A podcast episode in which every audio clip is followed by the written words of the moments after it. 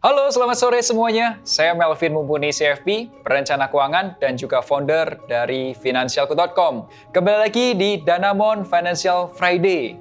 Kali ini kita akan membahas tips diversifikasi investasi yang ideal. Selamat bagi Anda yang sudah paham dan mulai berinvestasi. Anda sudah menyelesaikan langkah pertama. Langkah selanjutnya adalah mengoptimalkan komposisi investasi agar bisa mengurangi risiko kita. Caranya adalah dengan melakukan diversifikasi investasi. Diversifikasi menjadi kunci agar hasil investasi kita selalu bertumbuh. Setidaknya nggak turun ketika terjadi krisis. Seandainya ada satu investasi yang turun, setidaknya masih ada investasi lain yang masih bertumbuh. Selanjutnya, mari kita dalami strategi diversifikasi investasi dan cara menyusunnya. Di episode sebelumnya, narasumber pernah membahas ada tiga pilar investasi, yaitu kondisi keuangan saat ini, profil risiko, dan tujuan keuangan Anda. Dalam hal ini, ada dua komponen yang Anda perlu pertimbangkan, profil risiko dan juga tujuan keuangan.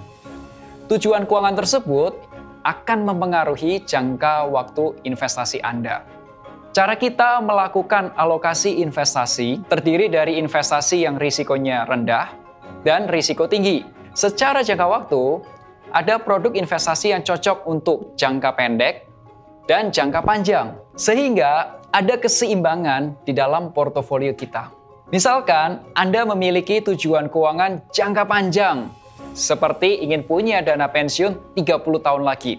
Saran saya sebaiknya sebagian besar investasi Anda adalah jenis investasi yang agresif dan berisiko tinggi. Contoh, saham atau reksadana saham. Sebagian kecilnya Anda dapat taruh di reksadana pendapatan tetap atau obligasi.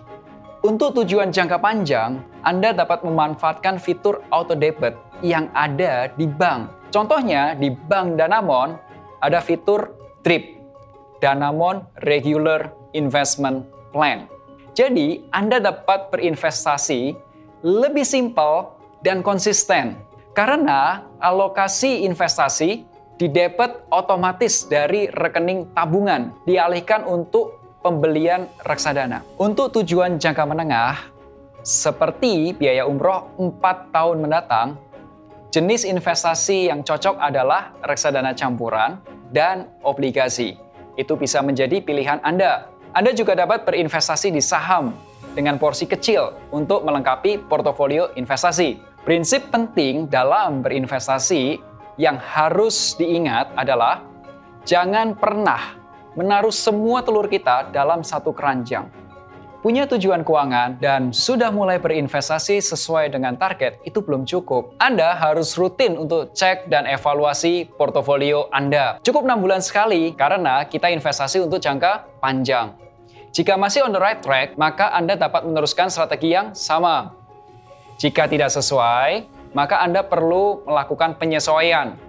Anda perlu tahu penyebabnya dan tren apa yang sedang berkembang di market. Contoh, saat pandemi corona, investasi saham menjadi turun. Hal itu wajar karena keadaan market sedang turun.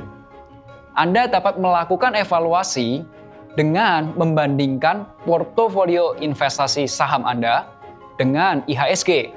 Setelah memulai investasi, langkah selanjutnya adalah menerapkan strategi alokasi investasi yang sesuai dengan tujuan keuangan Anda. Jika saat ini Anda masih belum yakin dengan portofolio investasi Anda, maka Anda dapat berkonsultasi dengan perencana keuangan profesional. Atau bagi Anda yang sudah menjadi nasabah bank, maka Anda dapat konsultasi dengan bank Anda. Seperti di Bank Danamon yang menyediakan Danamon Optimal dan Danamon Privilege. Danamon Optimal untuk Anda yang saat ini termasuk segmen menengah dan ingin mengoptimalkan potensi financial Anda menuju financial freedom. Sedangkan Danamon Privilege untuk nasabah prioritas yang siap membantu mengakomodasi berbagai kebutuhan investasi Anda.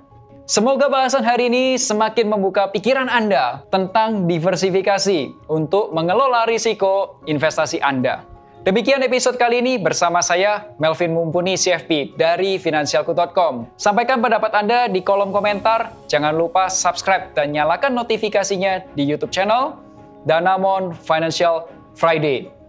Sampai jumpa di episode berikutnya. Terima kasih.